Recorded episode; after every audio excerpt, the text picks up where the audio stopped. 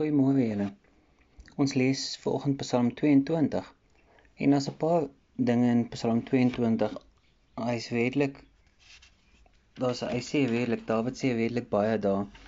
En ek wil sommer begin met vers 2. Ek lees uit die Nuwe Lewende Vertaling uit wat sê: "My God, my God, waarom het U my verlaat? Waarom bly U so ver wanneer ek U roep om hulp? So ver wanneer ek tot U sug?" Onthou wat sê Hebreërs 13 vers 5. Ek sal jou nooit verlaat nie, ek sal jou nooit begeef nie. So God sal ons nooit los nie. Kom ons gaan aan na vers 17 toe wat Dawid skryf soos 'n trop honde sirkel hulle om my 'n kwaadwillige bende sak op my toe my hande en voete is vasgemaak ek kan al my bene in my tel Met leedvermaak gluur my vyande my aan. Hulle verdeel my klere onder mekaar en deur die lot te werp, deel hulle my kledingstukke. In die eerste plek hierdie is 'n verwysing na Jesus se kruisiging toe die sy klere opge uitgelooitjie is uit op wat noem mense dit uit uitgeloot is tussen die soldate. Hulle het nie sy sy sy leedkleed of sy loincloth geskeur nie, hulle het hom uitgeloot. Maar Dawid skryf hierdie ook en hy sê sy vyande loop om hom rond, hulle hulle soek vir iets om hom mee te te van beskuldig. En dan dan gaan hy aan, dan sê hy in vers 22: U het my gebed verhoor. God hoor altyd jou gebed. God hoor jou. Vers 23 aan my broers maak ek u naam bekend. In die vergadering verkondig ek u lof. Wat 'n voorbeeld is jy?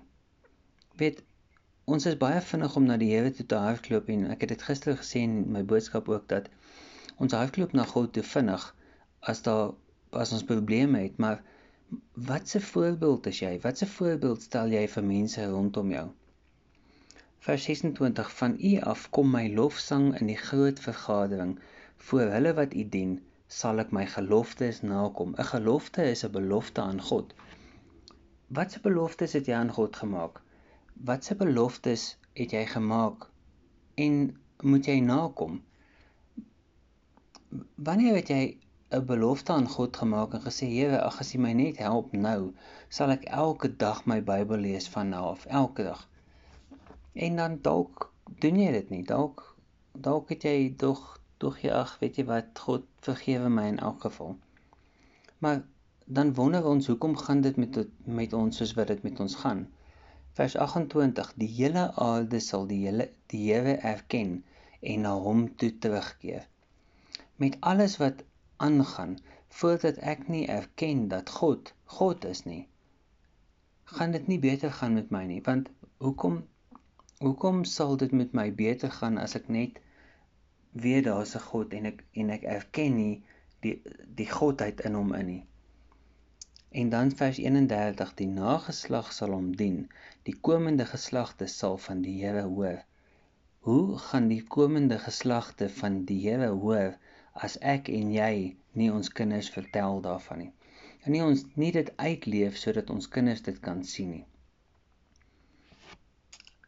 Hierdie is 'n mond vol. Hierdie hele vertrou op God in nood. Dis die opskrif van Psalm 22. Hierdie is regtig 'n mond vol, maar op die einde van die dag sê dit vir ons so mooi. Ons enigste toevlug, ons enigste uitkoms is God. En en hy moet ons eerste prioriteit wees. As hy nie jou eerste prioriteit is nie, gaan jy suffer. Gaan dit nie vir jou lekker wees nie. Kom ons bid saam. Here Jesus, U is goed vir ons. Dankie dat ons kan weet dat U God is. U alleen is God.